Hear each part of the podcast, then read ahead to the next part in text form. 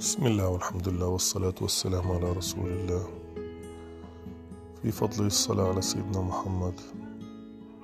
نعيش هذه الأيام أفضل حياة وأفضل اطمئنان واستقرار. وذلك بفضل الإكثار من الصلاة على سيدنا محمد في كل الأيام والاختصاص بزيادة ذلك في يوم الجمعة.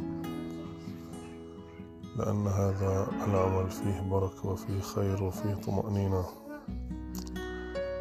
ولقوله صلى الله عليه وسلم عندما قال أبي بن كعب رضي الله عنه قلت يا رسول الله إني أكثر الصلاة عليك فكم أجعل لك من صلاتي؟ فقال ما شئت. قال قلت الربع. قال ما شئت فإن زدت فهو خير لك. قلت النصف. قال ما شئت. فإن زدت فهو خير لك. قال قلت فالثلثين. قال ما شئت. فإن زدت فهو خير لك. قلت أجعل لك صلاتي كلها. قال إذا تكفى همك ويغفر لك ذنبك.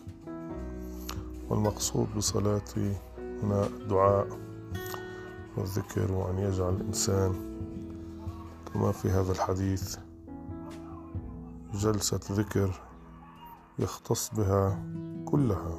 الصلاة على سيدنا محمد. طبعا الأذكار الأخرى كلها واردة كلها جميلة.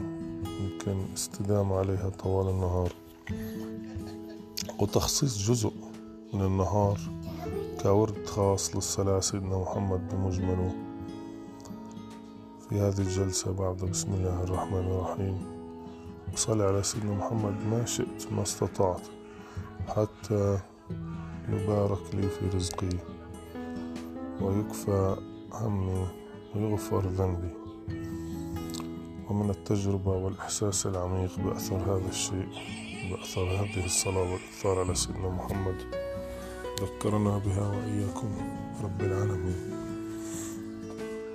يعيش الإنسان أفضل الصلاة أفضل حياة أفضل طمأنينة وذلك بتسخير قلبه للانتباه إلى الحب الكامل المتكامل لرسول الله صلى الله عليه وسلم الذي جعله الله رحمة للعالمين وشفاعة وبركة. وإن شاء الله رب العالمين يغفر لنا ويهدينا ويرزقنا بفضل. الصلاة على سيدنا محمد أجمعين.